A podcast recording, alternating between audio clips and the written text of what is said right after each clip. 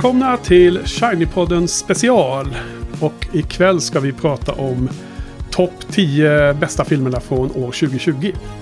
Och det här är tredje gången gilt. Vi i denna kvartett gör detta. Så att nu vill jag hävda att vi har en tradition igång. Att eh, rapportera om våra topp 10 filmer. Och med mig har jag då, som de två tidigare gångerna, eh, rakt över bordet här har vi Johan. Välkommen. Hallå, hallå. Så har vi Karl. Hallå, hallå. Och Niklas. Hej, hej. Välkommen alla. Jättetrevligt att ha er här. Ni är ju eh, kända bloggare, poddare och letterboxare eh, i, i vår filmvärld här. Så eh, hjärtligt välkomna återigen. Så vi har alltså gjort det här två gånger tidigare. Första gången gjorde vi för ganska länge sedan. Numera, vad blir det, fyra år sedan. 2016 va? Ja, eller 2017 gjorde vi Ja, det. just det. 2016 års bästa ja. Ja, precis. Och då, lite summering var det att vi hade en tydlig vinnare det året. Eh, Det var filmen Arrival som var vårt konsensus-pick. Eh, Där vi då hade tre stycken listettor på den filmen. Så det var väldigt entydigt.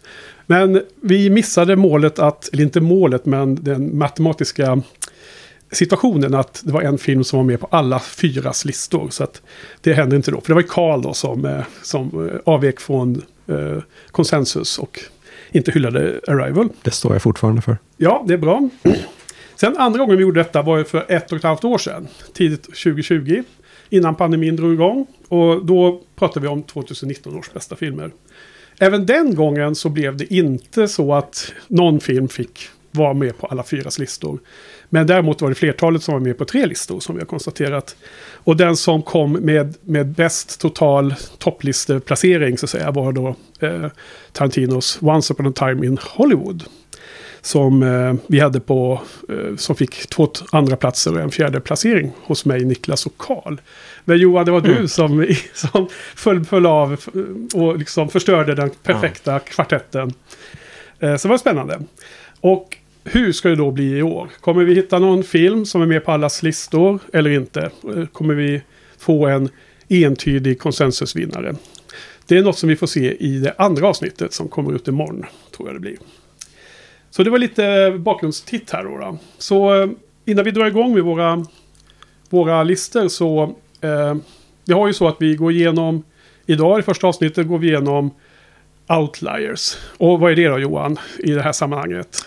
Ja, det är de här uteliggarna då. Eh, Ja. Nej, men det är filmer som eh, bara finns på en lista. Och Precis. eh, lite udda val från folk. Ja, eller, Eller- udda eller inte. Det beror ju på hur man ser på det. Men eh, det är först i andra avsnittet imorgon som vi har consensus picks. Som då definieras som att det är med på minst två listor eller mer. Eh, så är det. Men ska vi börja med att höra lite. Hur har filmåret varit? Hur ser ni på 2020? Och om ni vill säga något om hur ni har skapat era listor eller eventuella problem och så vidare. Eller inte problem, men, men utmaningar med listorna. Så vem vill börja? Berätta lite kort om året som film. Filmåret. Ja, jag tycker väl det har varit ett eh, ganska spretigt år, får jag säga. Eh, eller och, nästan svårt att och, och liksom be, bestämma det också. Det är som att det, det är ett försvunnet år på något sätt. Ja. Det är så många filmer som sköts upp, försvann, som skulle ha premiär och som inte hade det. Och, eh, så att det har varit lite, lite konstigt, Ja, eh, tycker jag. håller helt med. Ja, så det, det, ja. Lite svårt att få ihop listan då också kanske, för att det, jag vet inte. Ja, precis. Normalt är väl listan bestående av filmer man såg på bio, hade bra Mm. upplevelser med. Ja, Och det var ju inte många man såg nu. nej. Det är liksom, hela filmåret blev helt eh, sönderhugget från och med mars och framåt ungefär. Ja. Ja. Du då Niklas? Ja, men det var ju jättekonstigt. Som sagt, känns inte som ett vanligt år. Stockholm Filmfestival, eh, för mig, gick upp i rök. Jag vet att eh, de körde en, en nerbantad version.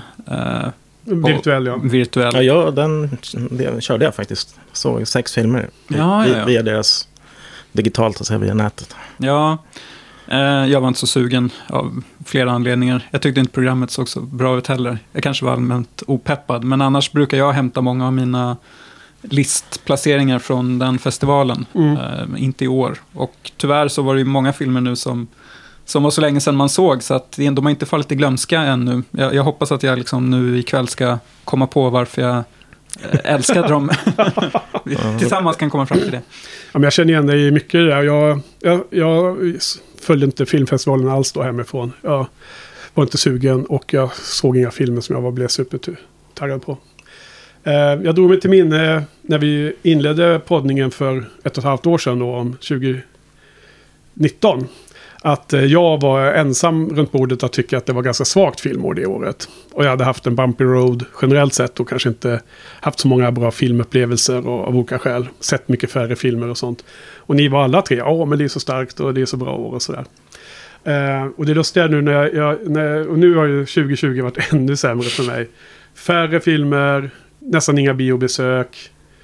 Eh, ytterligare bumpy road av olika skäl. Eh, liksom livet tenderar att påverka även ens filmkonsumtion. Så att nu är ju min lista oändligt mycket svagare än 2019.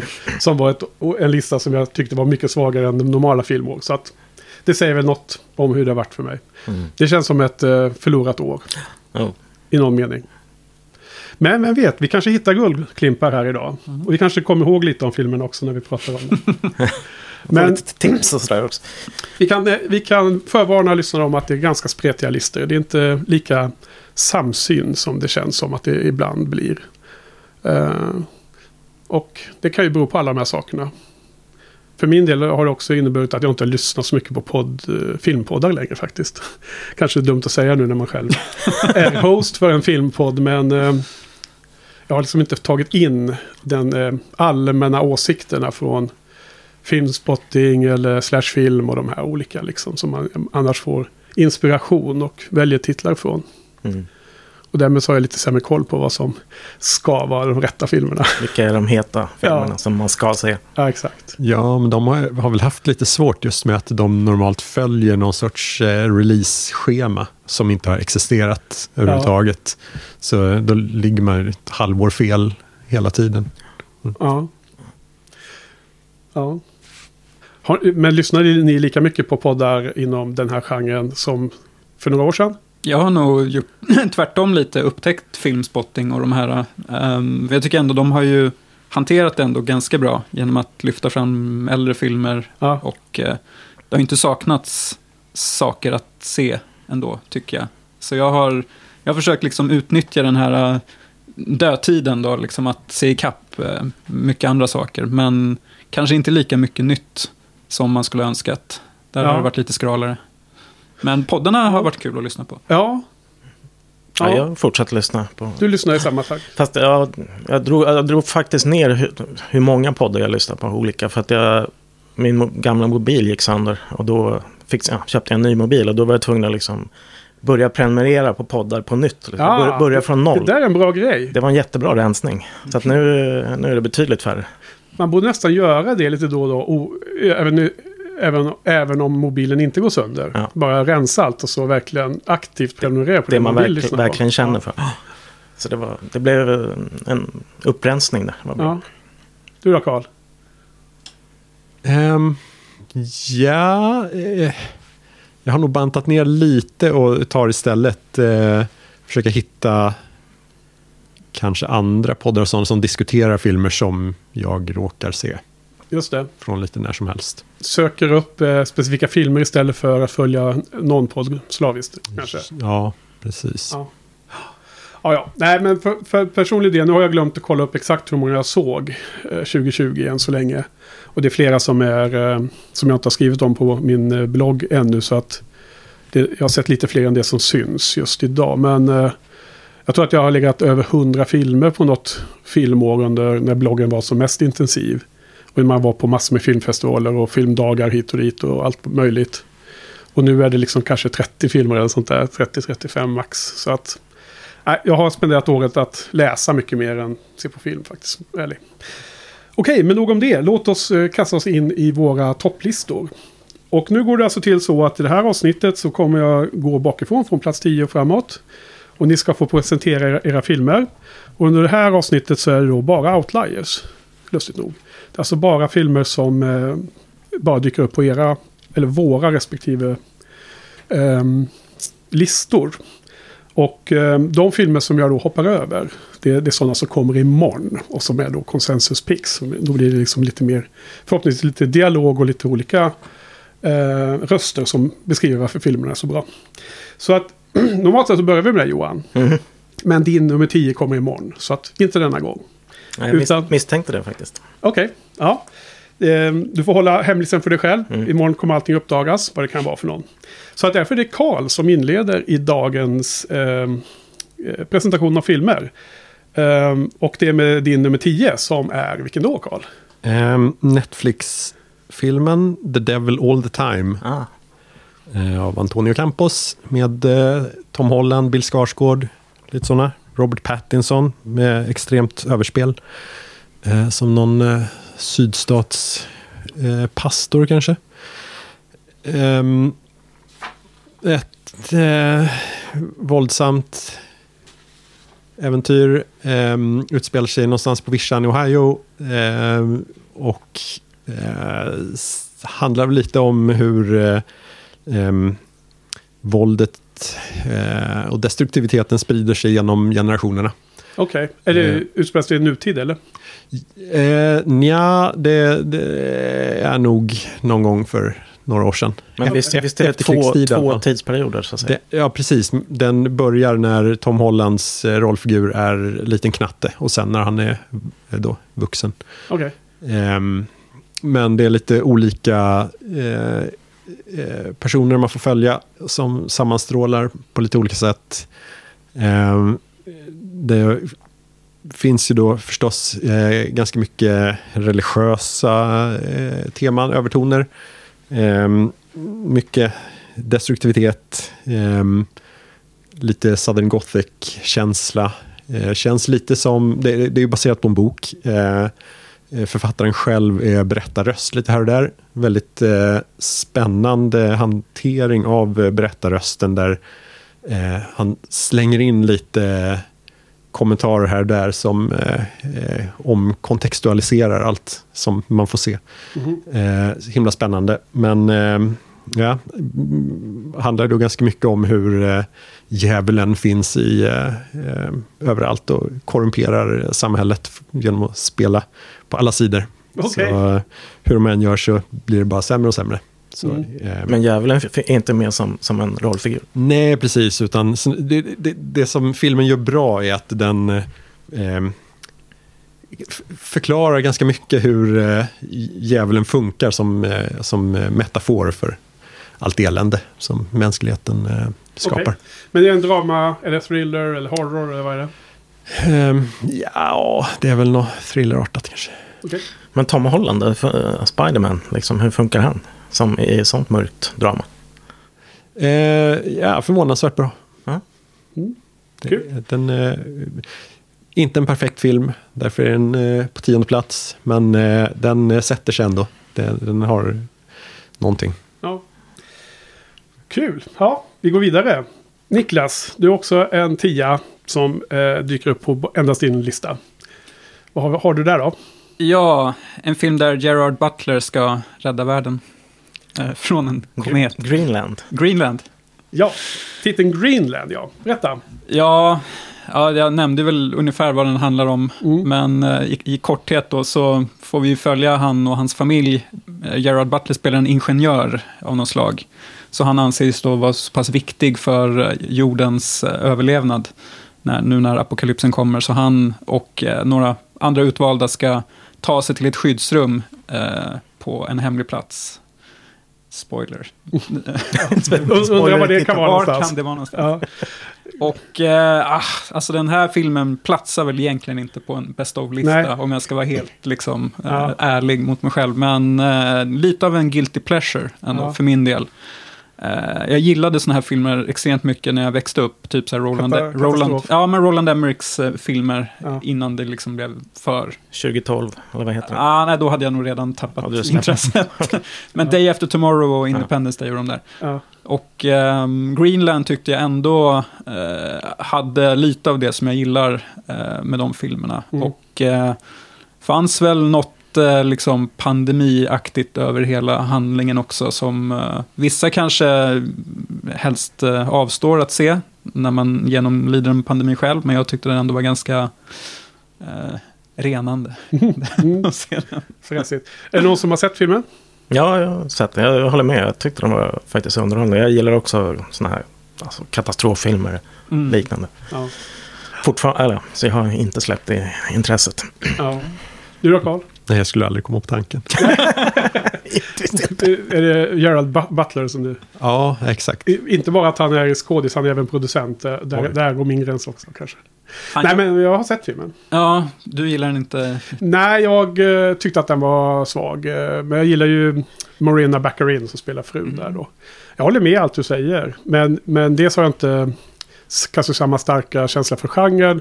Och det så tyckte jag att den var... Eh, att jag, jag, jag tyckte det blev... Eh, det blev så för, för vad heter det, predikterbart med den här lilla barnet och hans mediciner och springa fram och tillbaka. Så jag, jag liksom, filmen tappar mig någonstans där. Och jag kan, väl tycka att antingen ska man göra en sån här film väldigt seriöst. Eller så ska man göra den som han, eh, alltså 2012 och de här filmerna som är over the top. Och jag, jag så tyckte att den blev, eh, den var seriös men den liksom gav inte tillräckligt seriöst djup för att jag skulle bli bedårad av den. Ja, nej. nej, jag förstår lite vad du säger, men den, den är väl mer liksom deep impact än Armageddon. Så den är ändå lite mer på den seriösa spektrat. Ja men det är den ju. Eh. Men jag menar att den skulle gått... Den skulle ju ändå gjort det mindre, så att säga... Ja, jag vet inte. Det. Fjantigt.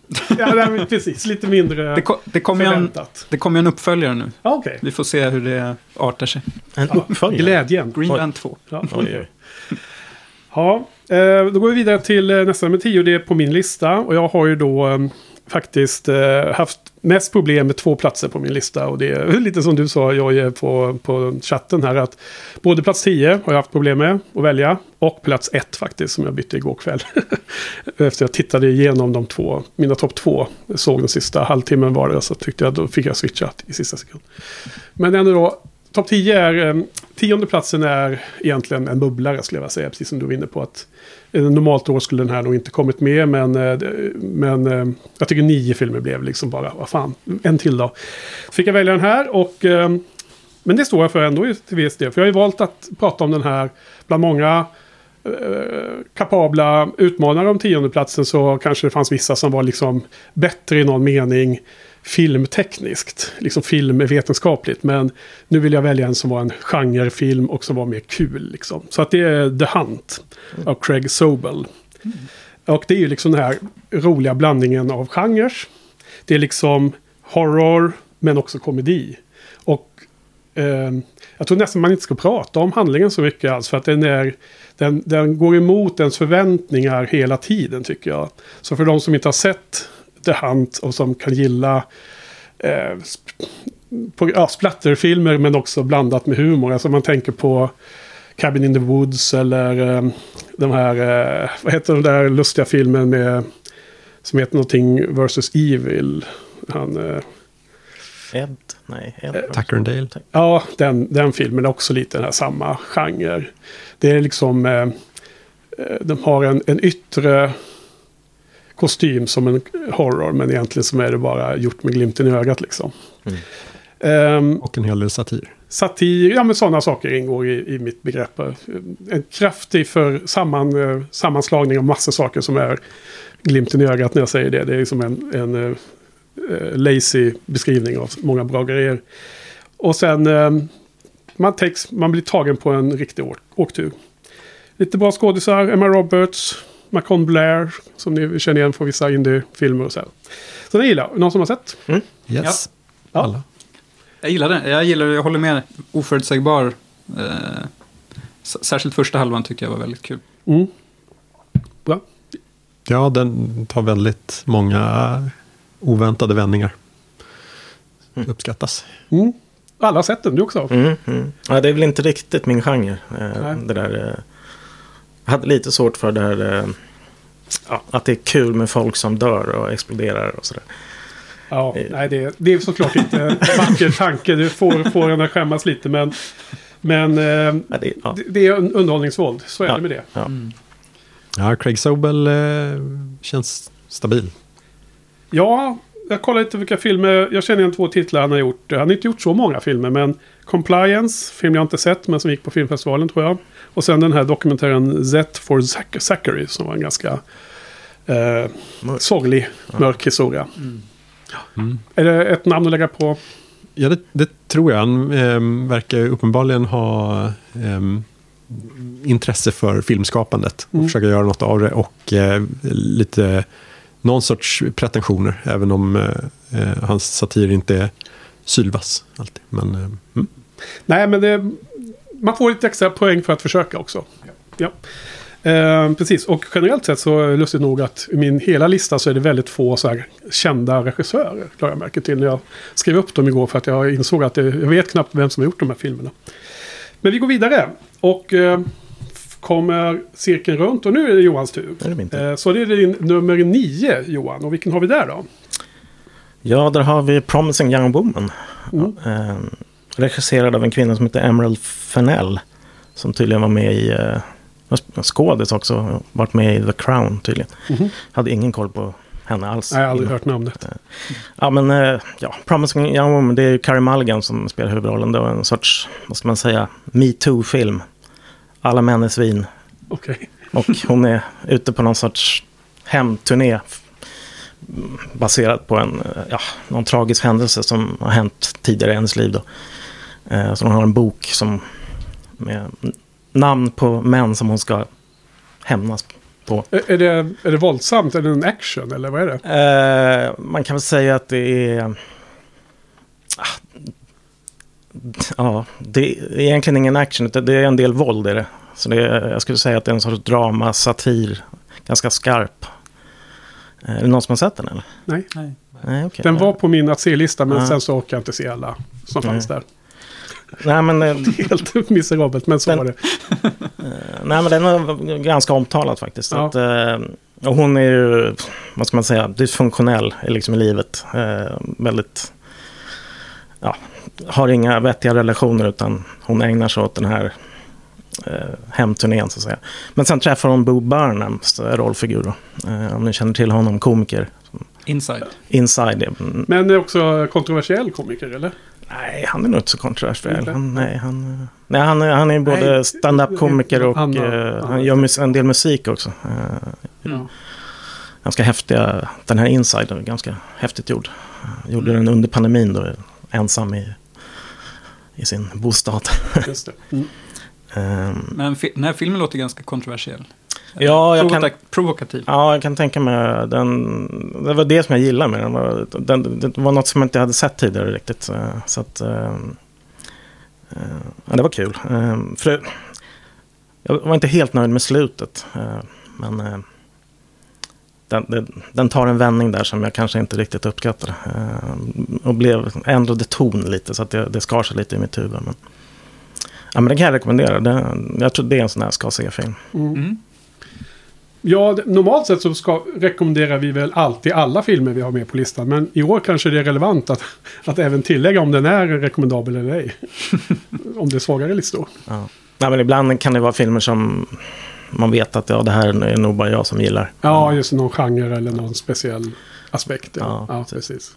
Ja, men det, det är bra för tydligt. Ja, eh, jag har inte sett den filmen. Jag hade den på radarn men den har inte blivit av. Och ni, nej, ni skakar på huvudet. Gill, gillar ni Carey Mulligan förresten? Ja, men hon är alltid bra. Ja. Jag trodde inte hon skulle passa riktigt i den här rollen, men det, det gjorde hon visade sig. Jag trodde hon var för, var för snäll, liksom. så, Mm. såg för snäll ut. Så där, så där, för att hon ska vara ganska skarp och elak här. Så, men det funkade. Vad tycker ni om Carey Mulligan? Carl? Jag har väldigt svårt för henne. Ja, vad lustigt för att jag känner att det är en eh, skådespelare som jag liksom inte väljer film på grund av. Men varje gång jag ser henne så slås jag av hur bra hon är. Så det är lite komplext där. Ja. Du då, Niklas? Ja, jag har väl ingen åsikt egentligen om henne. Det är ingen som jag tänker på. Eh, Och som du, inte liksom att jag söker upp hennes filmer. Nej. Men hon är ju inte dålig. Ja, spännande Johan. Du kommer ofta med eh, spännande val från eh, independ är det independent film eller? Är det rätt Ja, det kan man säga. Kan ja, man det säga. kan man säga. Ja, men det är väl din hemma, hemmavatten eller? Ja. Okej, här kommer en annan lite mindre, en amerikansk film om en koreansk invandrarfamilj i USA, Karl. Din nia. Jajamän, Minari ehm, har ju ändå varit ganska hypad. Ja, mycket hypad va? Ja, precis. Överraskande att inte fler har den på sin lista. Ehm, Ja, för, ja, alltså jag har sett den. Ja. Jag tyckte att den var bra. ja, ehm, den, det, det är väl något av en eh, bagatell. Ganska mysig, feelgood, eh, coming of age-film.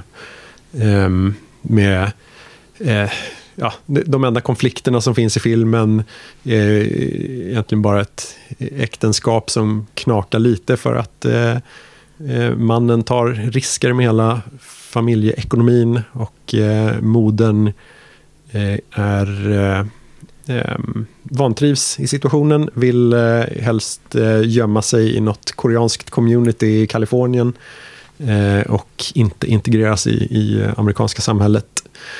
Eh, och jag, jag, jag tycker att filmen hanterar de där eh, em, konflikterna väldigt väl. Mm. Eh, allting känns eh, väl förtjänt. Eh, man eh, ser att allihopa har sina brister, eh, men man sympatiserar med allihopa. Mm. Och, önskar dem väl. Ja. Huvudpersonen är en liten sjuårig pojke som är alldeles underbar. Och har en fin relation med sin mormor. Spelad av en av Hong Sang-Soos favoriter. Ehm, som jag kanske återkommer till. Ehm, ja, jag vet inte vad, vad mer man kan säga.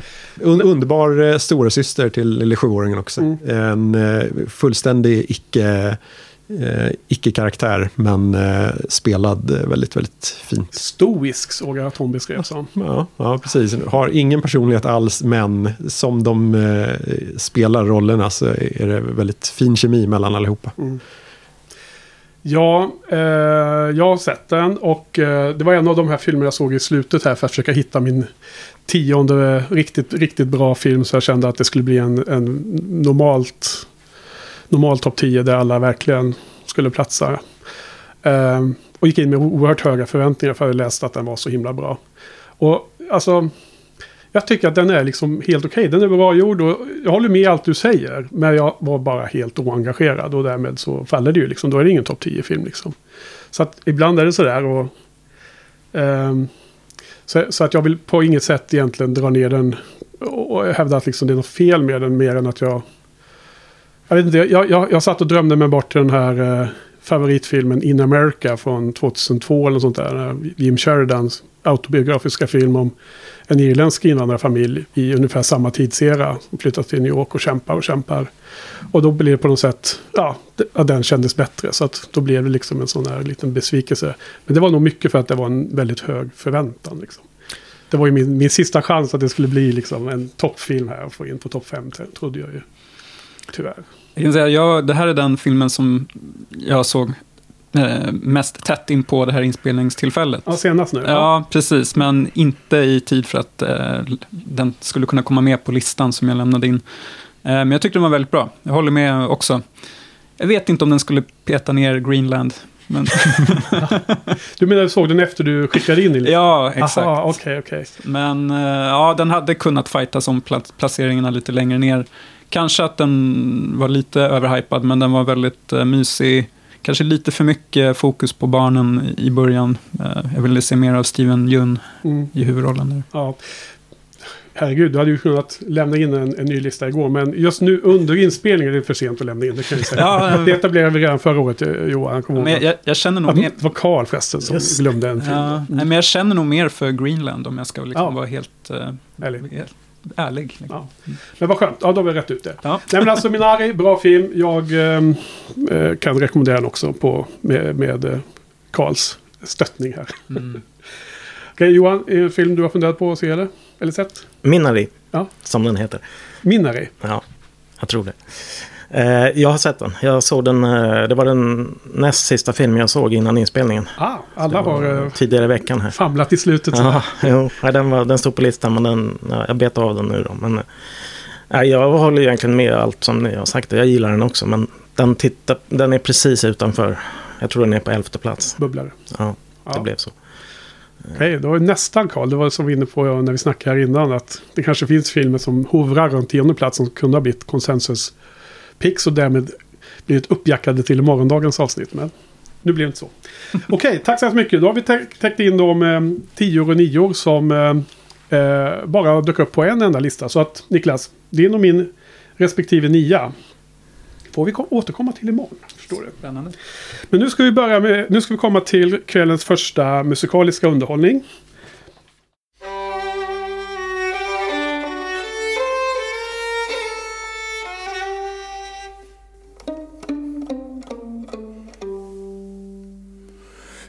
Ryck ur ditt glas, se döden på dig väntar. Slipar sitt svärd och vid din tröskel står Bliv ej förskräckt, han blott på graven gläntar. Slår den igen, kanske en på ett år Må vits din lungsot, den drar dig i graven. Knäpp nu oktaven, stäm dina strängar, sjung om livets vår. Stäm dina strängar, sjung om livets vår. Hy, mattblomstrande må kinder Nedkramat bröst och platta skulderblad Lät se din hand var ådra blå och trinder. Ligger så svälld och fuktig som i bad. Handen är svettig och ådrorna så stela Knäpp nu och spela Töm ur din flaska, sjung och drick, var glad. Töm ur din flaska, sjung och drick, var glad. Okej. Då har vi nämnat oss, nämnat oss plats åtta. Och det här är faktiskt en låt från en film som du har på plats åtta Johan. Så vilken film har vi där då? Stämmer. Eh, Bellman eh, var det vi fick höra här. Ja, vi kan säga vad det är. Det är alltså Torsten Mossberg som sjunger Fredmans epistel nummer 30. Som heter Drick ur ditt glas. Se döden på dig väntar. Aj. Ifrån filmen vilken då Johan? Ja, det är Thomas Winterbergs eh, senaste film som heter Druck. Eller En runda till på eh, svenska. Då. Ja, Eh, och det är, man kan säga att det är en sån här high concept-film. Eh, som tar fram ett koncept och det är ju då att eh, de, eh, det finns en tes om att någon galen psykolog eller forskare har kommit fram till att eh, vi har 0,2 promille för lite alkohol i blodet. ja. Så att då är det ett par eh, medelålders krisande lärare, danska lärare, där Ma- Mads Mikkelsen spelar en då. Han är, har huvudrollen då. De bestämmer sig för att testa det här då. Så att de, eh, de, de dricker hela dagarna för att hålla 0,2 procent- promille då i, i blodet hela tiden och se om livet blir bättre. Att man, så att säga, ja, man blir gladare, mer öppen för saker och sådär. Mm. Och eh, ja, det där går bra mm, till att börja med, givetvis. Men eh, ja, man förstår ju vart det där ska barka. Så att, eh, ja, den är, den är, det är väl ett, ett drama i grunden kan jag säga. Men ganska roligt också. Väldigt bra skådespelarinsatser, eh, tycker jag. Danskarna har. Och Winterberg, han är en extremt bra på att få fram intensiva scener mellan skådespelare. Det finns en, en, en middagsscen där de ska, ja, de ska fira, en, en av killarna fyller år och sitter, på en restaurang och pratar. Och väldigt bra liksom, dialog och skådespel naturligt. Eh, så att, eh, ja, sen kan man ju fråga sig då om eh, vad den har för budskap egentligen. För den, ja, det händer lite olika saker men den, den slutar på ett sätt som, ja, den är väl både för och emot eh, så att säga. Men måste filmen ha ett budskap? Nej, ja, precis. Det, nej, jag tycker den, den hamnar på rätt sida där tycker Mm. jag. Det är lite så här, eh, ja, det är upp till tittaren helt enkelt att ta, ta Den till visar på olika perspektiv helt enkelt. Ja. Ja, jag har ju sett den också. Faktiskt. Ja, okej. ja. Jo, jag har sett den och det kanske är året med, eh, med för höga förväntningar för mig. För liksom Vinterberg med Festen från 98 eller vad den är. Ja. Är ju 97 så med. otroligt så bra film. Att, att eh, jag gick in med alldeles orimliga förväntningar tror jag den här. Och, Har, har du sett den här Hämnden? Med, nej, inte sett den. Nej, den är också extremt bra. Ehm, sen är jag, har jag insett att jag eh, har, vad heter det, tycker Mads Mikkelsen är extremt tråkig skådespelare. Jag tycker det. Ja, jag, Jag tycker inte det är han är bra märkligt. överhuvudtaget. Han är, han är jättebra ju. så det här blev ingen topp 10, ingen bubblare ens för mig. Nej. Men helt okej, jag, förstår, jag förstår att man kan gilla den. Ja. Jag vet att den gillas av andra, så Den den, är är- rekommendabel. Den vann väl en Oscar för bästa utländska film, eller? Har jag fel? Den var nominerad åtminstone. Jag tror att den vann faktiskt. Ja. För att jag har för mig att jag klippte några Oscarsvinnare där, ett, ett stim här för ett tag sedan. Mm. Har ni sett den då grabbar? Nej. Ja. Ja. Och jag. jag, ja, jag hå- håller väl med ganska mycket, men lirar ganska dåligt med Vinterberg. Tycker aldrig det når riktigt hela vägen. För, eh, generellt sett för dig? Ja. Ja, okej. Ja, nej, det, det är nog en eh, regissör som man antingen hackar, liksom att det funkar eller inte. Jag kan förstå det. Eller vad tror du Johan? Liksom, liksom, Ja, man måste nog, ja, jag vet inte. Eh, Jag vet inte vad han har gjort mer. Han har gjort Hämnden och Festen. Och däremellan var han ganska... Gjorde inte så mycket film. Eller jag vet inte, det vart inte så uppmärksammade filmer i alla fall. Men eh, nej, men jag, jag, tänkte på Karls kommentar där om att vissa regissörer, att man liksom verkligen gillar det mesta, nästan om det är oavsett genre. Man gillar stilen på något sätt mer än... Och sen eh, då går ju också det att det kan vara tvärtom då. Så att jag, jag köper, köper konceptet Karl. Ja, var det han som gjorde den överhypade jakten? ja, jakten, var, det är den jag pratar om. Jaha, okej. Jag sa Ja, Hämnden så. och det är fel. Det, hämnden är ju med Mikael Persbrandt. eh, Just det, jakten ja. Och jag eh, visste vilken du menar men eh, kommer inte ihåg. ja tack, tack Carl för den rättelsen. Nej, jag tycker jakten var riktigt bra. O- otäck. Mm. Okej, ja, nej men eh, man kan inte gilla allt. Och det är väl väl det att det finns olika åsikter. Så att vi går vidare här då. Och då kommer vi till din åtta, Karl. Så vad har vi för någon film där då? Ja, där dyker ju Hong Sang-soo eh, upp med Okej, okej. eh, The Woman Who Ran. Ja, vart Eh. då någonstans? Ja, lite oklart. Beror på vem den där kvinnan är. Om det är Kim Min i huvudrollen. Hans primära musa senaste åren. Ehm, Den är han ihop med. ja. Ja, hon är ju trevlig. Ja. ja, alltid bra. Hon berättar här en historia om eh, någon kvinna som eh, flydde iväg någonstans. Men det är fullt möjligt att hon snackar om sig själv. Eh, men eh, det, ja, hon är på besök hos en massa vänner, eh, en efter en. Eh, medan hennes eh, man är på någon tjänsteresa. Det är eh, enligt hennes utsaga första gången de är, inte är tillsammans. Annars har hon varit tillsammans varje dag. Eh, och där finns väl eh, massa eh, att diskutera med de här eh, lite äldre och mer oberoende kvinnorna som hon stött på och snackar mat och husköp med. Det är mycket vardagliga saker som de diskuterar, bara om generellt härliga diskussioner. Eh, ingen brusning i den här filmen, men eh, ja, ändå, ändå Det, det är lite lustigt. Han, det påminner så mycket beskrivningar av Woody Allens typ hela filmografi. Det är folk som sitter och pratar och olika... Ja, precis. Men eh, med ämnen. lite andra neuroser. Ja. Ja, jo, nej men Absolut. inte minst att han, regissören, är oftast med som i sitt al- alter ego. Det är kanske han som är den, den mannen som är på resa eller? Ehm, oklart. Det känns lite som att han eh, tar sig själv längre och längre bort från filmerna. Och eh, är inte helt säker på att det är bra för dem. Ehm, men rent eh, tonmässigt så är den här lite muntrare än de dystra filmer som han har varit inne på senaste åren med Hotel by the River och eh, ehm, Woman on the Beach.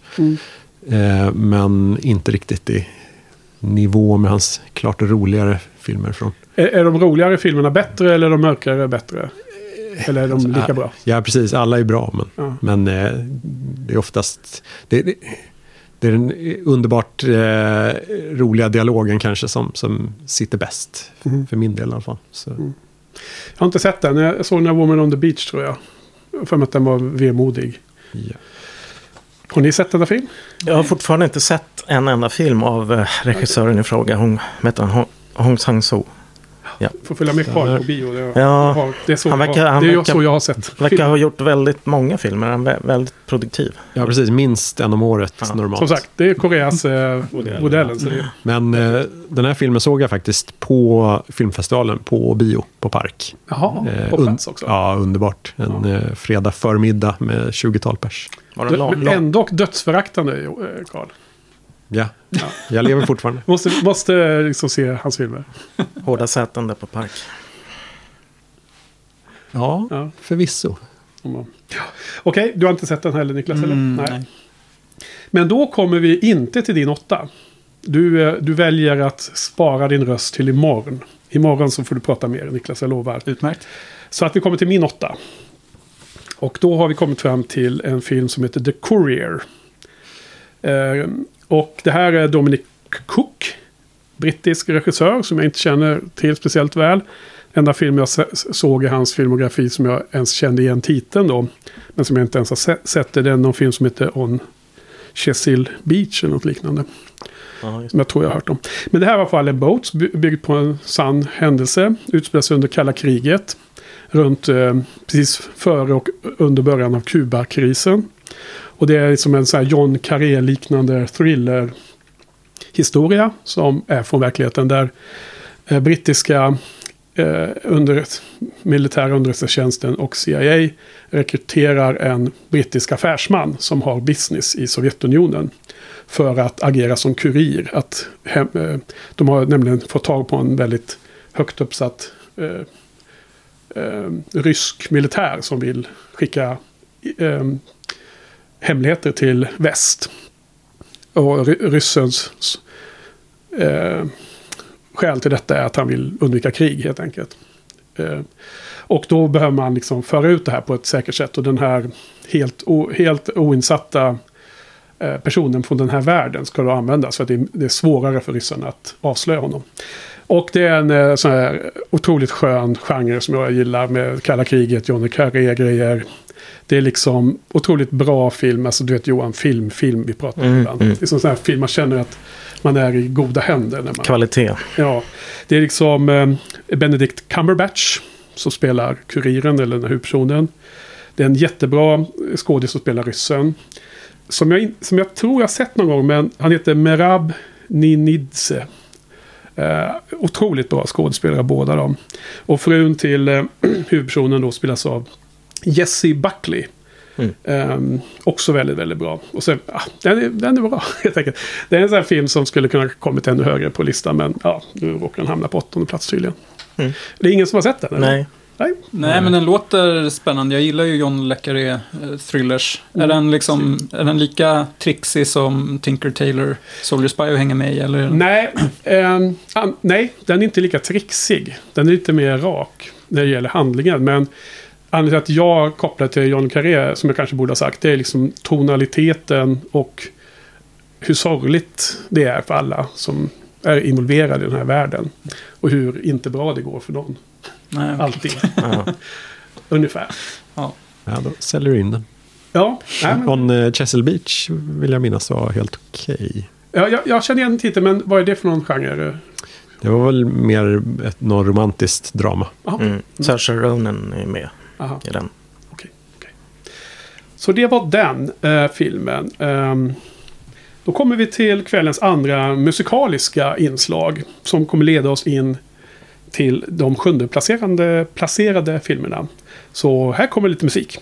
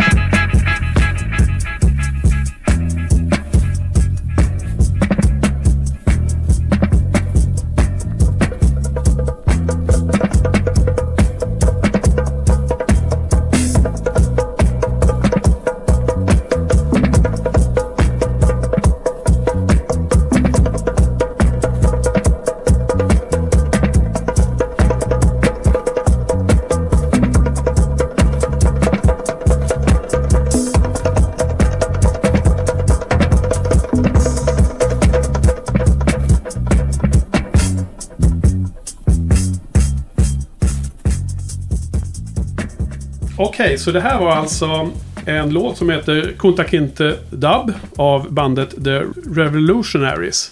Kommer från din eh, sjua Johan. Vilken film är det? Ja, det är ju en film i den här eh, Small Axe-serien som Steve King gjorde för BBC. Ehm, och det är ju frågan, är det en tv-serie eller är det en film och, så vidare. Men jag betraktar det som en film och det är den som heter Lovers Rock. Och eh, det är väl den, jag tror det är fem filmer som är, är med i den här serien. Och Lovers är den som är mest, eh, vad ska man säga, lättsam. De andra är ju, ja, tar ju upp liksom eh, rasism i, i samhället i, i England under ja, olika tidsperioder. Då. Och den här är ju fokuserad på ett house party eh, som, där de spelar den här typen av musik. Så att det är liksom en, eh, en partyfilm. Liksom. Vi får hänga med på en fest under en kväll och natt. Så att säga. Plus att det är en liten romans som två, ja, en kille och en tjej som träffar varandra. Så att säga. Eh, och den här var riktigt kul att se under, under, eller kul, det var annorlunda att se under pandemin så att säga. För här var det ju proppfullt med folk och det var liksom, eh, de dansade och kramades och allt möjligt. Och det var mat och det var dryck och det var droger och Ja. svettigt. En helt underbar film. Ehm, eh, Så att, eh, ja, är det någon som har sett den? Nej. Nej. Nej. Ni, ni har inte sett någon av de här filmerna i den här serien? Nej, faktiskt inte. Nej. Skäms lite, men jag har inte haft något sug. Om jag ska vara ärlig, trots att jag gillar Steve McQueens tidigare filmer så det är något med det här upplägget som gör att jag blir lite... Det känns eh, lite så här pedagogiskt eh, liksom upp, uppläxande att kanske... eh, Ja, jag har inte heller varit sugen. Jag har ju känt till det. Jag har hört om dem. Det, det lilla, jag, lilla jag har hört från filmvärlden så har jag hört om de här. Ja, Jag de- kände till dem. Men jag har inte varit så De sugen. dök upp på SVT Play, eh, när det nu var. Eh, så att, eh, ja, då passade jag på att se den. Mm. Eh, och den här var den jag gillade mest. Då. Eh, Den är, mest, den är kortast också, lite annorlunda jämfört med de andra. Okej. Så, ja men, Ett tips om det. ja, Mm. absolut. Ja. ehm, då kommer vi till Karls sjua. Som eh, heter The Way Back tror jag. Stämmer bra. Vad är detta från film då? Ja, dålig titel, eh, för det finns väl fler filmer som heter så.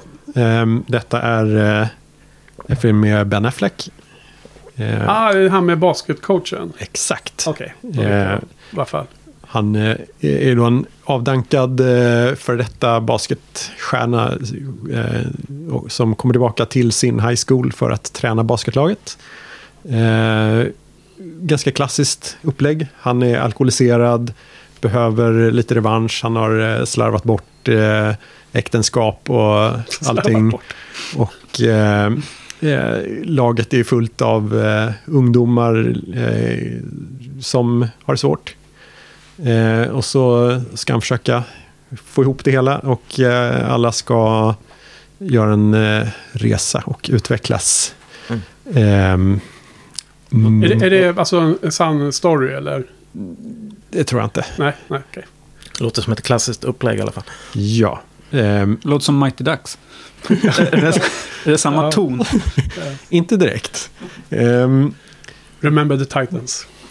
inte sett faktiskt. Men eh, ehm, det filmen är bra är att den eh, eh, skakar om konceptet lite. Och eh, eh, bryter mot vissa av konventionerna där. Mm, vilket trevligt. gör den eh, väldigt, väldigt bra. Mm. Eh, ben Affleck extremt övertygande som lite småplufsig alkis. Eh, och det, ja, det är en ganska självutlämnande roll får man säga. Just Kul. för en av, av de som har gjort några Mm. comebackresor från liknande läge. Han är ju... Känns som att han är liksom inte ett sådär sexigt pick att säga att han är bra. Liksom. Det känns som att, han, att det, är hellre, det är lättare för folk att dissa honom. Men han är ju ändå den bästa Batman. Så jag menar, hur, då kan han inte vara helt dålig. Tycker jag. Knäpptyst. Precis. Nej men gillar ni Ben Affleck eller han? Jag tycker han är helt okej. Ingen favorit direkt kan jag inte tycka. Mm. Ja, Jag tycker han är bra i den här, vad heter den nu då? Han är rånare. The Town. The Town, tyckte jag var bra. Ja. Ja, precis. Ja, ja, han eh, känns... Eh, Den regisserar han själv också. ja. Kanske är som Kevin Costner, att han växer med åldern. Mm. Mm. Han är alltid sevärd, Mm. även när han är dålig. Men vem var det som låg bakom den här filmen? Var det han själv Eh, eller? Gavin O'Connor gjorde The Accountant tillsammans Ja, tidigare. den var ganska trevlig. Den gillade jag. Med eh, Anna Kendrick. Han gjorde även Miracle om eh, hockeylaget. Mm. Ja, i USA. alltså den jättegamla filmen. Kurt Russell Eh, är det så? Ja, som tränare. just det. Just det. Precis. Ehm, så han har erfarenhet inom just den genren. Ehm, men, Mm. men här är, är ett väldigt fint tema om man eh, mi- minimal eh, spoiler är ju att eh, ehm, man väljer ju att idrotten ska vara väldigt viktig. Eh, det är ju bara något man, man låtsas, men sen finns det ju då riktiga problem som att Okej. in, inte bara vinna matcher. Slarva, slarva bort sitt äktenskap och sådana saker. Precis. Mm. Och eh, eh, huruvida man kan lösa dem bara genom att eh, vinna några high school-matcher i basket, det är då Ja. tveksamt. Fint. Vad säger du då, Niklas? Ben Affleck, bra eller dålig?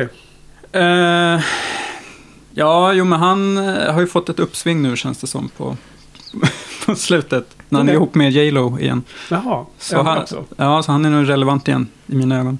Okej. ja, ja, det är bra. Bra Se kriterier. fram emot Gili 2. Ja, Au. ja. Okej. Eh, vi kommer... Nu, Niklas, ska du få prata lite och presentera din sjua. Som heter His House, tror jag. ja, Aldrig hört om denna film. nej. Det är en eh, brittisk skräckfilm om en eh, man och en hustru som flyr från ett eh, onämnt eh, afrikanskt krigshärjat land till England. Eh, där de då ska få, ett hus att bo i. Ett ganska nedgånget hus som visar sig vara hemsökt. Eh, och det kan också eventuellt vara så att de här eh, flyktingarna då har tagit med sig något fasansfullt från sitt hemland. Det låter alldeles för rysligt. Eh, den är årets läskigaste film, Okej. tyckte jag. Mm. Så att den, jag gillar ju skräckfilmer och den här kändes som att den också vågade liksom ändra lite på konceptet. Det låter kanske lite klassiskt i min beskrivning, men den kändes lite som att den vågade vara väldigt eh, samhällskritisk. Eh, och eh, liksom just hur det vävde in eh, det här med krigets fasor Mm. Gjorde att det blev extra, extra otäckt. Eh, väldigt bra skådespelare.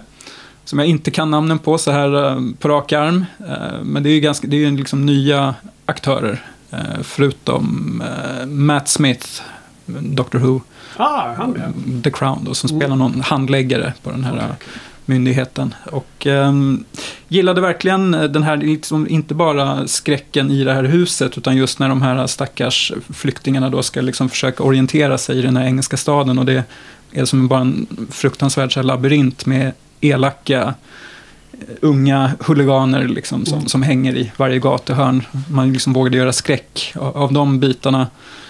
Jag minns att när jag såg den så tyckte jag inte att slutet var helt klockrent. Det var lite over the top, lite för mycket så här Guillermo del Toro Mm. varning på det. Men nu i efterhand så tyckte jag att det var mm, kul att de vågade gå Mycket lite. CGI och så, eller nej? Ah, mer kanske praktiska effekter, vilket jag i och för sig gillar. Men Ja. kanske lite mer för mycket mm, monster som man eh, Mm. fick se. Men, eh, en rekommendation om man gillar skräck. Ja. Men jag vet inte om någon i det här rummet eh, gör det riktigt. Jo då, jag kan. Jag kan, Du kan tänka dig? jag kan se skräck, absolut. Ja, ni kan, annars så tänkte jag att Niklas var lite våran eh, skräckfilmsexpert om jag skulle gissa. Ja, men det, det kan det nog vara. Kan Eller, nog stämma. eller vad säger du, Karl? Mm, det ligger nog något i det. Är den läskig? Den här är läskig. Årets, årets läs, läskigaste? Sa du? Absolut. Ja.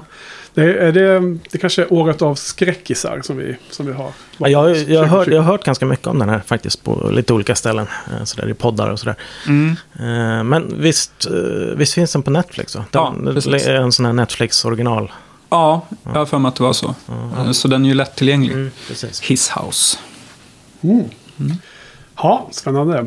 Men eh, ja, som sagt, det blir många olika filmtips under de här podden. Så vi är så, har så individuella listor. Så jag har ju inte His House på min plats sju. Utan jag har en australiensisk film som heter The Dry. The Dry. Och eh, ska ta fram mitt papper här. Den är gjord av någon, en herre som heter Robert Connolly. Han har gjort en 5, 6, 7 filmer. Han verkar vara mest en producent i övrigt.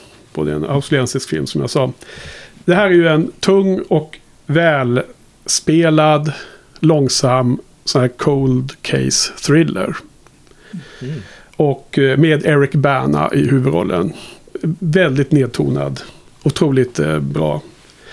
Ehm, det, det första jag tänker på om man ska beskriva tonen i den här filmen är ju eh, miniserien med Amy Adams som heter Sh- Sharp Objects. Sharp Objects. Ja. Den utspelar sig i en helt annan miljö. Eh, varmt fuktiga sö- södra USA. Och här är det ännu varmare men ännu torrare. Nästan ökenlandskap i Australien då. Och eh, den andra ofrånkomliga referensen. Det är ju den klassiska australiensiska filmen Picnic at Hanging Rock. För det är eh, både ett... Ja, det är liksom hopp fram och tillbaks i tiden lite så. Och det är bara en jäkligt bra thriller som är... eh, igen det är att man kommer in i en film och bara känner sig väl omhändertagen. Och man bara följer. Det går inte att sluta titta. Man vill veta vad som händer. Man köper alla karaktärerna. Eh, man ser inte skådisar, man ser liksom rollfigurer i filmen. Och ja, och vemodigt, mörkt. Och inget speciellt lyckligt slut. Så att det verkar vara en återkommande faktor hos mig i år.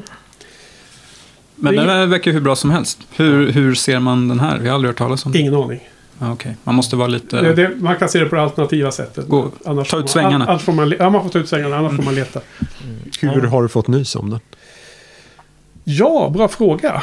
Um, nej, men jag måste ha sett den eller hört om den i något. Jag, menar, jag har inte varit helt eh, i, i, eh, i ett vakuum. Liksom. Jag har ändå några... Man har sett det på någon lista någonstans eller någonting. Eller vänta nu, jag kanske har sett den hos Movies Noir när jag tänker på det. Kan ha varit där den Det dök låter som en eh, sån film som han Ja. skulle kunna skriva om. Ja. Jag har inte heller hört talas om den. Vad, vad spännande, vad kul.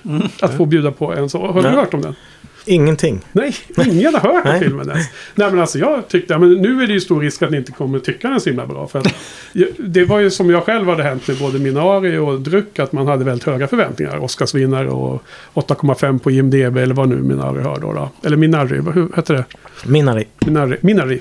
Men eh, så därför så har jag väl wasted eh, chansen för er att gilla Ja. The Dry. Ja. Men eh, ja, ni hör ju vad jag säger så får ni välja på genre då. Och ta era chanser. Okej, då har vi passerat plats sju och vi ska snart prata om sexorna. Så att eh, här kommer då ett musikaliskt eh, eh, mellanspel. Och sen kommer eh, plats sexorna.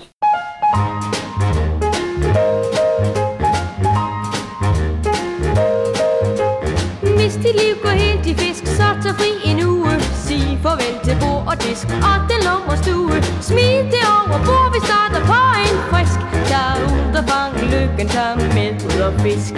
Træk en gammel sweater på, og lad bare skægget stå. Det er en god idé at starte på en frisk. Sæt maden på krogen og tag med ud og fisk.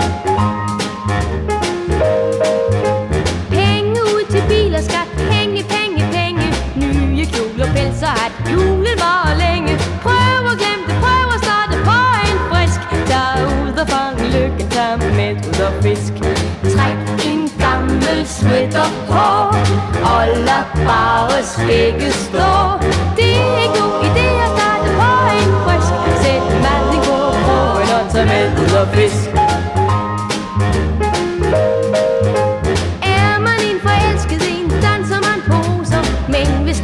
Hendes ben, siger man grimme gloser Gør det. Ikke, prøv at starte på en frisk.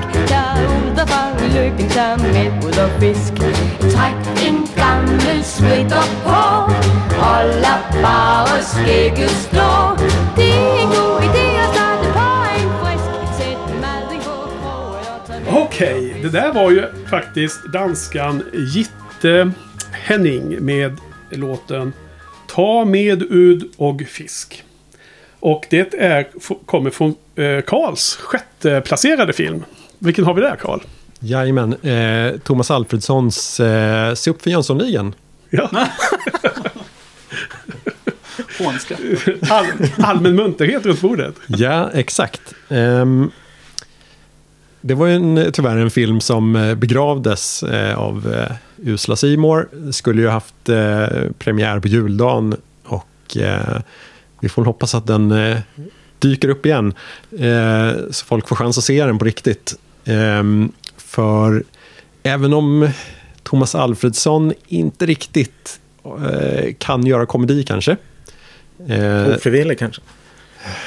Ja, kanske. Men eh, ehm, det, ja, den är inte klippt som en, en fungerande heistkomedi. Men eh, humorn är eh, genomsyrad av eh, ja, Henrik Dorsin som varit med och skrivit ganska mycket och som spelar Sickan.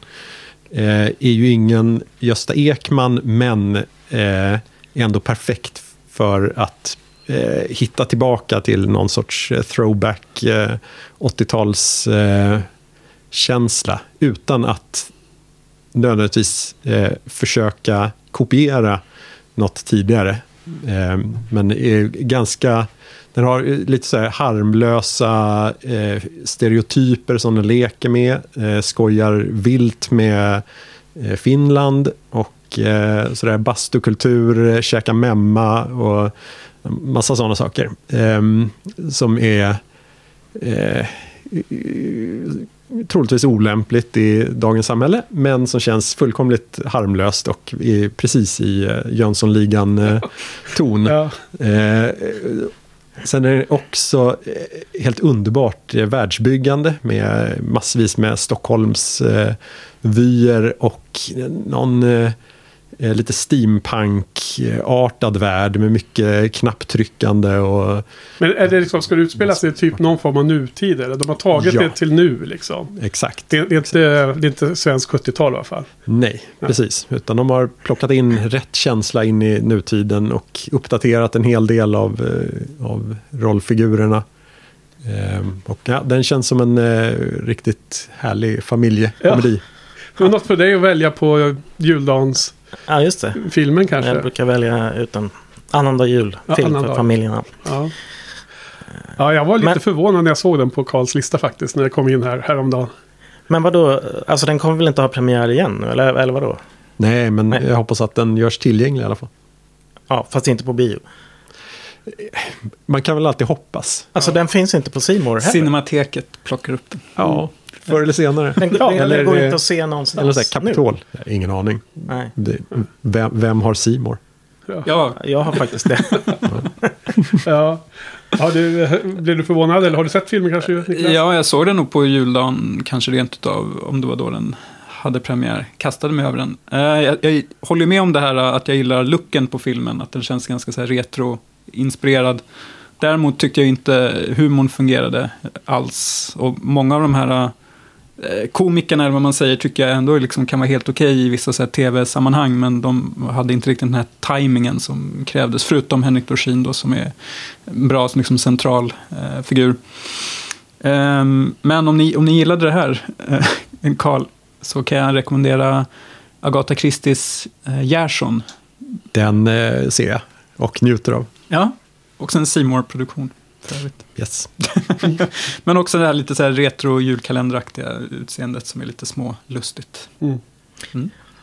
Ja, jag, har inte sett den, men jag minns att det var, var det inte massor med rabalder kring den här? Att Thomas Alfredsson gick ut med något öppet brev och klagade på... Han var besviken att den inte gick upp på bio. Ja. Och det gjorde han ju rätt i. Mm. Den har ju helt försvunnit. Eller Ja, den var ju ganska hatad när den kom. Av Jönssonligan Alltså, ja, mitt intryck är att den blev totalsågad. Ja, det. Men, eh, tyvärr. Men kul, kul val tyckte jag. Mm. Ja, verkligen. Eh, bra, Karl. Då går vi vidare. Eh, på plats nummer sex hos dig, Niklas, på din lista, så är det dags nu igen. Ja, det blir lite mörkare. Uh, The Nest, eh, som handlar om ehm, ett uh, amerikanskt-brittiskt par boende i USA, spelade av Jude Law och Carrie Coon. Är det här eh, horror också? Ja, det är intressant att du säger det. Psykologisk kanske. Psykologisk eh, horror. Eh, kanske liksom ett dra- drama till en början i alla fall. När de här eh, utspelas på 80-talet eh, också då, som minnar i. Eh, ett tema för ikväll. Eh, de flyttar i alla fall tillbaks till hans hemland, eh, Storbritannien då. För att han ska försöka eh, slå igenom där och bli framgångsrik. Rik framför rik framförallt då. Mycket fokus på pengar. Och de flyttar då in i ett stort slott egentligen. Det är hans hus. Ja, det är hans hus. och det här är liksom, det är lite hur den är filmad som är intressant. Ehm, för att uh, få er intresserade kan jag ju nämna att det är samma regissör som gjorde den här Martha, Marcy, Mm. Marlene. eh, May nej, Marlene. May Marlene. Ja, den var ju så bra. Sekt-thrillern. Ja, den var bra. Den var Elisabeth Olsen. Det ja, var första gången man upptäckte henne. Fem av fem. ja den, den är jättebra. Eh, den här är nästan lika stark, tycker jag. Eh, just hur den är filmad, att det kanske låter som ett drama på pappret, men nästan lite så här mm, klaustrofobiskt och, skräckfilmsmässigt eh, i de här liksom mörka, mörka korridorerna i det, här stora huset. Och ehm, ja, ett drama på pappret, men väldigt så intressant eh, hur, hur de har liksom, gjort filmen. Mm. Och eh, skön 80-talsmusik som inte är den här liksom vanliga klyschiga 80-talsmusiken som man brukar strössla med i, i filmen. Inte, inte Don't Go och de här. Nej, och inte... Eller, frågan är om Blue Monday var med i den. New Order-låten. Mm, det var absolut. Den kanske var Den med. kanske är mest men, vanliga, ja. Men annars Men vilken typ av musik kör de då? Är det synt eller? Ja, men lite synt, new wave, eh, Ja. rockaktigt. Så soundtracket var kanon Ja. också. Mm. Och filmen, eh, ja, rekommendation. Av någon anledning så heter den här i Sverige Life of Deception. Om ni, what? om ni försöker... Eh, Ja, det är väl någon sån där internationell titel de har tagit till. Som som Ja. de, de tycker funkar bättre i icke-engelskspråkiga länder kanske. Ja. Ja, den säger kanske mer om vad filmen handlar om, även fast den är en mycket sämre titel, Ja. tycker jag. Uh, den näst eh, mer suggestivt. Okej. Ja, nej, det var en film jag inte hade hört om faktiskt. Har ni, någon som har sett den? Nej, Jag har varit ivrig att se den, men eh, distributionen har varit tveksam. Tycker SF Anytime jag. Ja, has your ja. number. Men där heter den Life of Deception, så det är kanske därför du inte har hittat den. men om man söker på The Nest så borde Ja, man väl den- ändå den- hitta den där. Den kommer upp. Ja. Så det är inget att skylla på egentligen. Ja, då. Ja, jag har hört ganska mycket gott om den där faktiskt. Ja, jättebra. Bra, bra skådis, skådisar och sådär. Kryper sig in under skinnet på en. Mm. Mysigt. Okej, vi går vidare och då har vi en sexa kvar och det är på min lista. Och här har vi en eh, dokumentär. Och det är det här problemet som jag egentligen brukar ha. Jag, jag liksom tycker egentligen inte att dokumentärfilmer eh, de är så specifika. Det är en sån specifik genre att det är svårt att placera dem på topp 10 där man egentligen vill ha spelfilmer, tycker jag. Ja, håller med. Ehm, men det här var eh, det är filmen My Octopus Teacher. Och eh, jag har med den bara för att det var så stark och underbar filmupplevelse. Och då blir det ju då är det ju motiverat helt plötsligt. Eh, men jag menar problemet med dokumentärer är att det kan vara jätteintressant ämne och jätteintressant info liksom. Men att det, man får inte riktigt samma känsla för en riktigt solid eh, spelfilm liksom. Det, det känns som två olika saker. Precis som tv-serier och sånt inte heller är med på de här listorna normalt sett. Men den här, eh, den här filmen blev... Det, var, det, det kändes nästan som en, om inte horror så åtminstone thriller. Hur, hur den här eh, sydafrikanska mannen som dyker för att hela sitt söndriga sinne eh, börjar dyka i, i, ute i havet precis utanför huset och sen då upptäcker den här eh, bläckfisken och som han sen då eh, återbesöker och det filmas. Ehm, och de, eh, man har ju sett andra sådana här fall där bläckfiskar känner igen människor och eh, blir typ kompis med människor. Och, eh, så, så det är inte nytt, men eh, som, nackdelen med den här filmen är väl att efter diskussioner har jag varit väldigt så här kritisk mot hur mycket påhittat, hur mycket är liksom man, applicerar säga mänskliga eh, eh, tankar och, och reaktioner på djuret. Då är det verkligen realistiskt och sånt. Och det har varit en diskussion och det andra är det här med man kommer in och stör djuret i sin na naturliga miljö så på, gör man ju en påverkan som man blir ansvarig för. Liksom. Ska, man, ska man hjälpa djuret eller inte när man har fuckat upp det för den i princip. Liksom. Mm. Eh, Men på något sätt så blev det summa summarum att den man fick vara med men den kom på under halvan. Det var väldigt så här, det var ju som ett slags balansgång här. Eh, Men det var som sagt en så stark, så jag, jag kan bara tipsa folk om den. Jag tycker den var jättebra. Är det någon som har sett den här filmen eller? Nej, jag, Ja men just det, du valde att skippa den. Du jag, bör, jag, bör, jag klickade igång den på Netflix, började titta, men ja, sen blev jag... eh, Jag hade ett problem där med att jag tyckte den började med en sorts sammanfattning, en sorts trailer för filmen. I början, första minuterna var, minuten var som en, eh, en liksom trailer för det vi skulle få se senare i filmen. Och då var jag, jag vet inte, det, det greppet gjorde att det, jag bara... det, det störde ditt Det- eh, ja, ordningssinne på ja, något sätt. Men ja, jag har för mig att vad som hände var att man visar, som man, ofta, som man många gånger gör. eh, kan visa en scen från mitt i filmen och sen hoppar man tillbaks två år tidigare eller whatever där. Och sen så får man se. Så kommer man tillbaks till en liknande scen. Sen fortsätter det vidare. Jag tror det var någon sån setup. Ja, det var någonting där som, ja, det störde mig i alla fall. Så jag, jag tittar inte vidare tyvärr. Jag hade hör, Ja, hört your, om. your loss. Ja. Eh, Har du sett den Karl? Nej, den är, står högt på skämslistan. Har fått den rekommenderad från många håll. Mm, jag med. Du då? Jo, men jag har sett den. Mm. Ehm, det var intressant. Jag hade inte hört de här, den här kritiken som du tog upp som har som dykt upp. Ehm, den var, känns ganska relevant nu när man tänker tillbaks på filmen, även fast jag också tyckte att den var gripande. Mm. Så tips från mig också. Ja, och jag, jag tror nästan att jag nog aldrig mer kommer äta bläckfisk nu. Mm. Det känns som djur som är så intelligenta. Och det är inte bara den här filmen som egentligen har bevisat det. Är liksom ovärdigt att äta upp, kan man tycka. eh, och där, sen tänkte jag också bara slänga in mina två andra bra eh, eh, dokumentärer som inte kommer med på listan just för att jag egentligen väljer bort dokumentärer. Så de får klumpas ihop här. Och det är dels eh, det fantastiska retrospektivet över Noise. Den heter Noise. Låg på SVT Play väldigt länge, kanske fortfarande. Eh, om eh, det här eh, bandet från eh, Gustavsberg eller vad det var. Mm. Hasse Karlsson och gänget som brann eh, starkt eh, 79-80. Otroligt bra, men det kanske beror på att jag liksom gillade dem när jag var ung. Och sen också eh, David Attenboroughs eh, eh, dokumentär om status på jorden och natur. För klimatkrisen och naturstöringen. Som jag tycker är mycket bra. Det är dem. Mm. Ja, Och jag, har jag har sett David Attenboroughs dokumentär. Ja. Riktigt bra. du gillar den också? Ja, Ja, den är otäck. chockerande och gripande Mm. och eh, bra att alla tittar på ungefär. Mm. Känner jag. Har ni sett den? Nej, inte än. Okej, men då får vi gå vidare då. Eh, Doom and Gloom här. Gå vidare till något som eventuellt är roligare. Jag har ingen aning. Det är Karl igen. Femteplacerade. Eh, med ett sällsamt namn på den filmen. Jo, jo. Eh, återvänder till Korea igen. Eh, Beasts Clawing at Straws. Ehm, av en eh, debuterande regissör. Eh, här dyker eh, Yoon Yoo Jung upp igen. Eh, Som var som var Gamla tanten? Eh, gamla tanten i Minari. ja, mormorn. Harmoni, eh, precis. Ehm, och detta är då ett eh, riktigt en välgjord eh, thriller i Elmore Leonard-anda. Eh, ett antal olika personer som försöker lägga vantarna på en väska med pengar.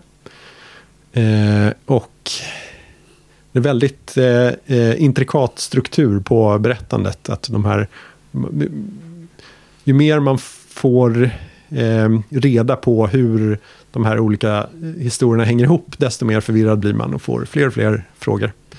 Eh, den plockar vilt från eh, eh, väldigt välkända genretroper från eh, koreanska eh, så här gangsterthrillers och sånt.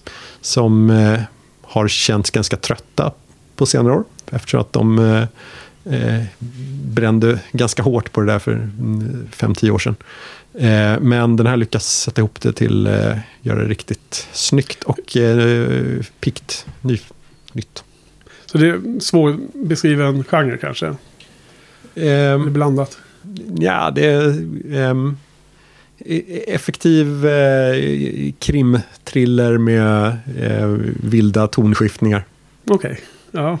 Koreanskt. Tonskiften, ja precis. Det brukar det vara i koreanska filmer. Men Mi- alltid mitt, i, mitt i scenen. Ja, liksom lite så här eh, eh, slapstick-humor nästan mitt i en polisthriller och sånt. Lite så. Ja, Men nämnde du regissören? Nej. Vill du göra det? Eh, ja, det, koll mot väggen här. ja, precis, det är Kim Jong-Un. Ingen man har hört talas om. Nej, det var debut. debut. Nykomling, okej. Ja. ja, spännande. Är det någon som du Johan har sett detta? Nej, jag har inte sett det. Men jag hade ju... Ja, det har min- minskat lite nu, men jag har haft en period där jag tittar väldigt mycket på sydkoreanska såna här thrillers. På, ja, på filmfestivalen på andra ställen. Ja. Så det, det är bra grejer. Jag måste fråga, regnar det i filmen? Eh, hmm. Så väl minns jag den inte, Nej, men eh, okej. det är absolut inte omöjligt. Ja, det är en tes jag har Det, det är en spaning du har? Det är en spaning jag har. Ja, coolt. Vi kan ju Det- hoppas att den dyker upp på filmfestivalen nu. Jaha, Det är inte... i höst? Tror du det är möjligt ens? Eh, ja, det, den känns som att det är en sån. Den får ju ingen annan distribution här och eh, de plockar gärna upp Ja. eh, utländska filmer från året innan. Så I eh, kan jag alltid hoppas. Open... Nej, det skulle vara en debutant också. Då kanske den skulle vara med i tävlingen till och med, eller? Nej, kanske inte. Det är för mycket begärt. Ja, De har tagit bort den där Asian images. det, då är det Twilight Zone då säkert. Ja, det är svårt att hänga med deras nya genrer. Mm. Niklas, någon film du har haft koll på? Sett, Nej, kanske? många av Karls filmer jag inte har. Nej, det, så är det ju. Ja, eh, på femmorna har vi inte så många. Johans väntar vi med, din väntar vi också med. Så att det är jag igen nu då. Det kommer till eh, min femteplacerare. Så kommer vi in på topp fem, Karl. Det är ju lite signifikant, eller? Tycker ni att det är viktigt att vilka är topp fem, vilka är 6-10? Liksom Mm. halva, halva. Jo, men det, det är det. Femman är ju bättre än sexan trots allt. Det, Ja. det är som en egen del av listan. Ja, jag tycker liksom att eh, när ändå man blir topp fem är det liksom en liten... Nu är det ett litet snäpp upp ändå. Är det något du har tänkt på, Karl? Eh, ja, eh, hmm.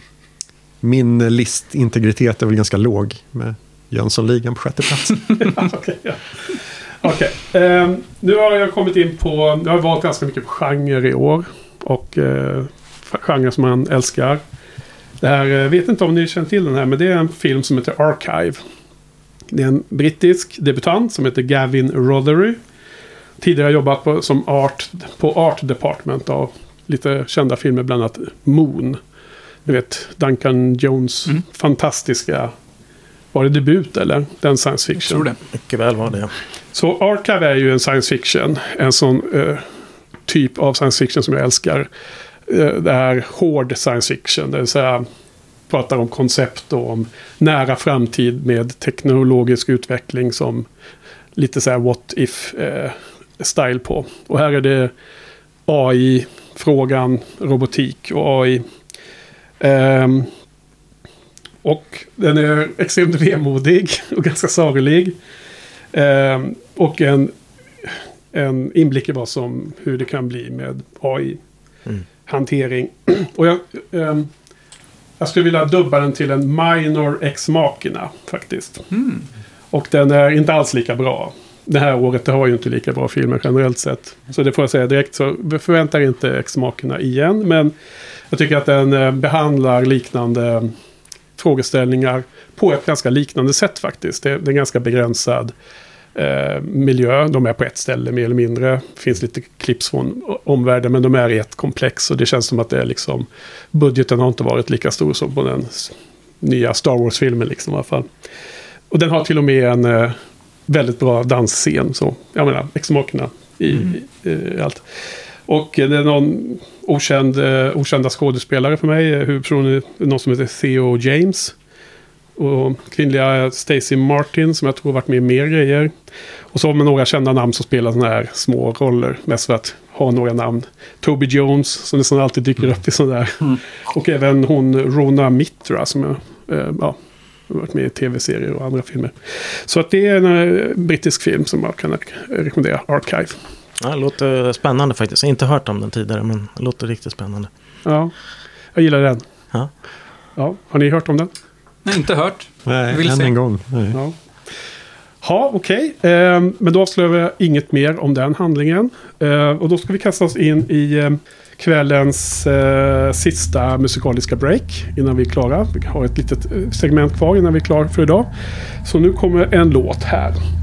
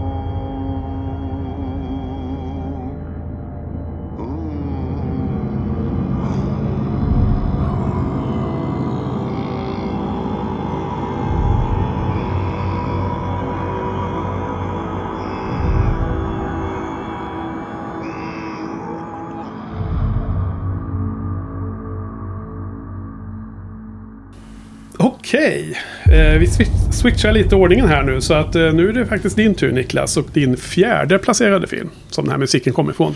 Ja, en komedi som ni hör. Nej. Ja. Jag kanske ska säga, det är bandet Lustmord som med låten Oh. In Hidden Mountains. Ja, och det är från filmen The Empty Man som eh, smögs ut på Video On Demand nu eh, i år, men den är från 2020.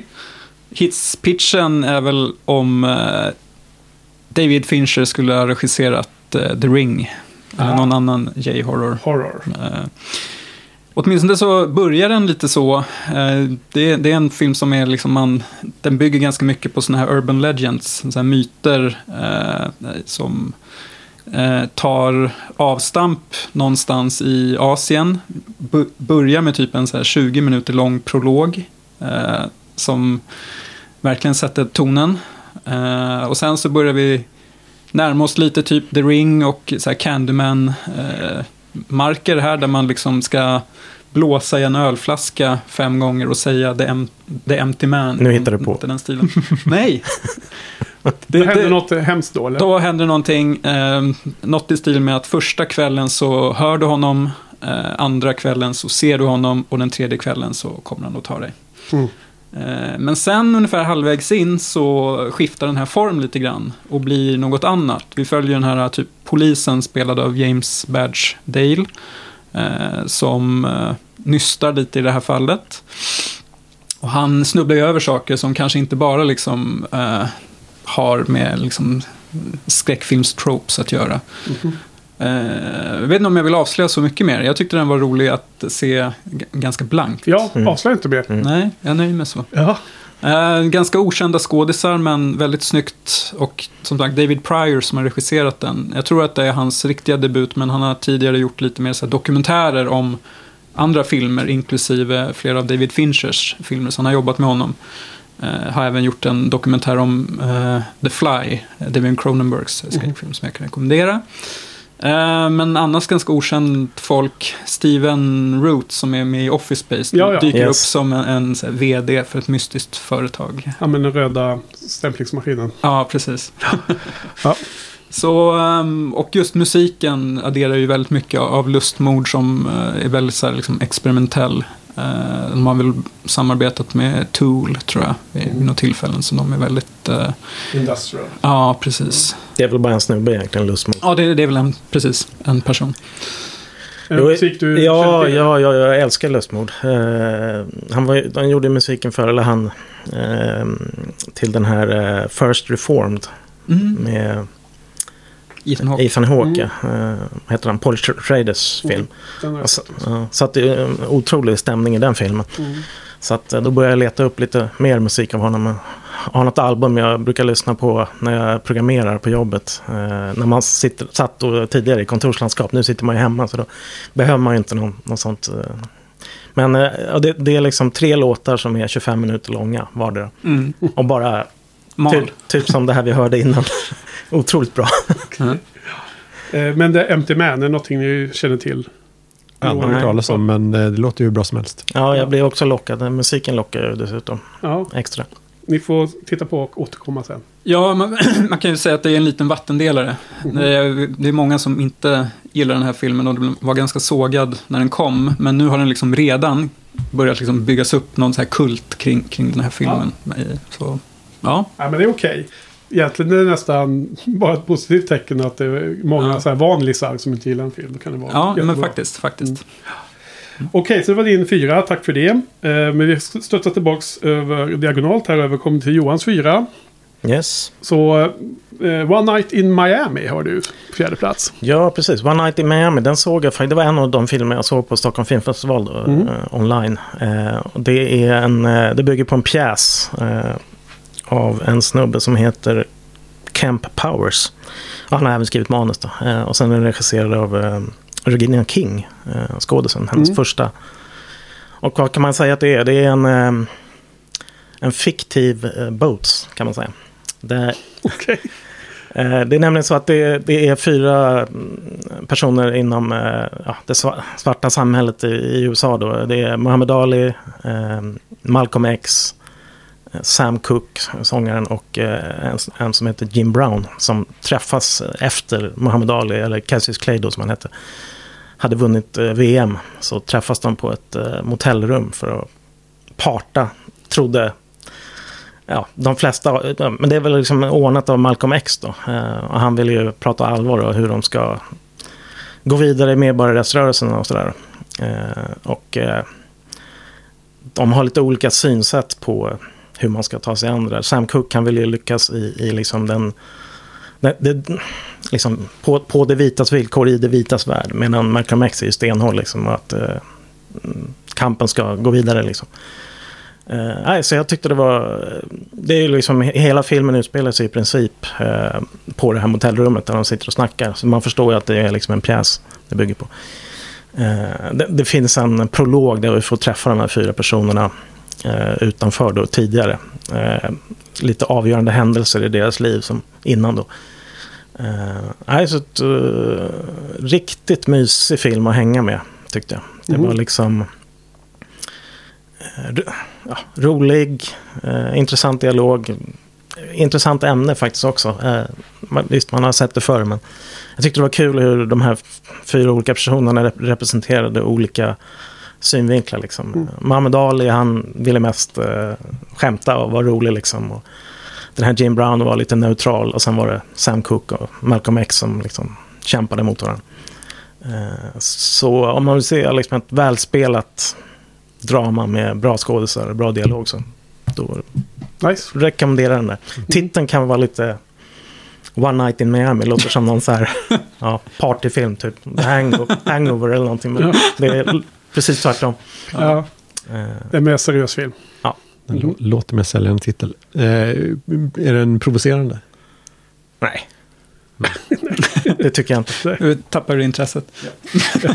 Nej, den är nog lite för uh, Tillrättalagd tillrättalagd för Karl, kan jag tänka mig. Ja, jag har sett den också. Ja. Jag håller med om allt.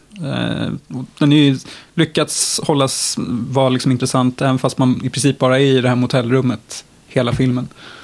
Eh, Så ja, Dialogdrivet, det kan ju vara jättespännande Ja. på en location. man märker att det bygger på en pjäs som Mm. man säger. Ja, just det. Det har ju den kopplingen. Ja. Ja, nej, jag, jag känner igen titeln för jag vet att du har pratat om den. Jag har sett den på någonstans i flödena. Men jag har inte sett den då. Och inte du heller, Karl. Nej. Ehm, Vad hade jag den på? Plats fyra? Eller? plats fyra, ja. Mm, det Det är riktigt högt upp. Ja, men det är filmfestivalkänslan som jag faktiskt fick då. Ja. Så. Men du såg den hemma gissar ja? Eller? ja, ja, det Ja. var ju online. Så att, eh, Mm. Men jag fick ändå lite festivalkänsla. Ändå Det kändes lite ex- exklusivt på något sätt. Ja, fantastiskt med fjärde plats mellan trean och femman. Mm. Super. Du kommer vi till kvällens sista film som Karl ska presentera. Och det är din fyra, Karl. Ja. Apropå det högtidliga med en eh, topp 5-placering. Eh, Hubie Halloween. Um, Vad är detta? Är det Adam Sandler? Jajamensan. En eh, rätt klassisk Adam Sandler-film. ehm, med fåniga röster och eh, eh, riktigt, riktigt eh, dum humor. Men eh, gjort med en eh, ambition som man inte har sett från honom på ganska många år. Oj då. Så eh, han eh, eh, kastar sig verkligen in i det där och eh, den är också väldigt ambitiöst gjord med, med eh, visuell humor, sight gags. Eh, och väldigt, väldigt mycket upprepning eh, av samma skämt om och om igen tills det blir roligt. Och eh, eh, gärna eh, väldigt mång, många sådana också. Så att det är många saker som upprepas många gånger, gärna Ja. samtidigt. Det är bara ett eh, ja, överdåd av dumma skämt som är underbart eh, för eh, en halloween-film. Är han mer intensiv i, här än i Uncut Gems? Lite annan ton, kan man säga. Okej. Ja, nej, jag skulle kunna ge det en chans nu när det snart är halloween och, och liksom, så att man ser under rätt förutsättningar. Jag menar, då, dåliga julfilmer kan ju lyftas eh, om man ser det i rätt kontext. Jag har ju liksom. rätt eh, state of mind. Ja, dagen före dopparedagen Ja. Så en halloweenfilm som på pappret låter ganska risig, trots din hyllning här. Ja, alltså, jag, jag har inte sett eh, alla hans eh, komedier långt därifrån. Men, och jag tycker ofta att de inte är superbra. Men det som brukar vara lite kul är att en jäkla massa kända skådisar med. Som brukar vara hans kompisar. Liksom, typ. Är det samma sak här? Ja, det, ja, det är en helt otrolig samling skådisar. Ja, och det är massa biroller som kan vara höja filmen. Även om man inte bryr sig så mycket om de där huvudpersonerna som de... Ja, en riktig cameo-parad. Ja, jag, jag gillar sånt. Jag kan tycka det är lite kul. Det blir lite meta, men det, det jag gillar jag. Ja, Johan. är det Nästa film på din att se-lista eller? Nej. Det, det var väldigt, eh, vad heter det, stor spridning mellan era två senaste val, lustigt nog. Det är lite eh, relativt sett så. Ja, det var kul. Sandler, han är ju, han är ju duktig. Det är han ju. Eh, han kan ju vara bra. Ja. Eh, Efter Ja. Uncut Gem så är han alltid förlåten. ja, ja, Ja. så är det ju. Ja, förstår. Ja, okej, men vad bra. Eh, då är vi klara för dagens avsnitt. Och eh, vad har vi gjort idag? Jo, vi har gått igenom våra listor från plats 10 ända upp till plats 4. Och vi har bara hoppat över de filmer hos oss alla som eh, funnits på flera listor än en. Så i morgondagens avsnitt så har vi kvar allas topp 1 till 3 plus alla konsensuspick, det vill säga filmer som är med på mer än en lista. Så de har fått prio här nu då över andra. Inklusive då vilken är vår årets vinnare om man bedömer från oss fyra eller från våra eh, topplistor. Som vi ska Spännande. avsluta med. Eh, så det blir spännande. Eh, så eh, vi ska avsluta med en härlig musik från ett av mina filmval, nämligen Archive. Från den där dansscenen. Så jag kan förbereda er så ni kommer in i the groove med en gång när ni ser filmen sen. Jag tror inte att det spoilar utan det är bara en härlig låt. Har ni några avslutande ord från ikväll? Nej, det, Nej? Karl, du har pratat mycket idag. ja, det är illavarslande. Ja. Ehm, Men ja, det blir rafflande att se upplösningen. Ja. Och Niklas, du har vilat rösten lite känns. Ja, jag har laddat inför nästa avsnitt. Ja. Då jag kommer att ta bladet från munnen. Precis. Vi återkommer imorgon. Så tackar alla eh, gästerna, alla deltagarna, alla lyssnarna och på återhörande imorgon.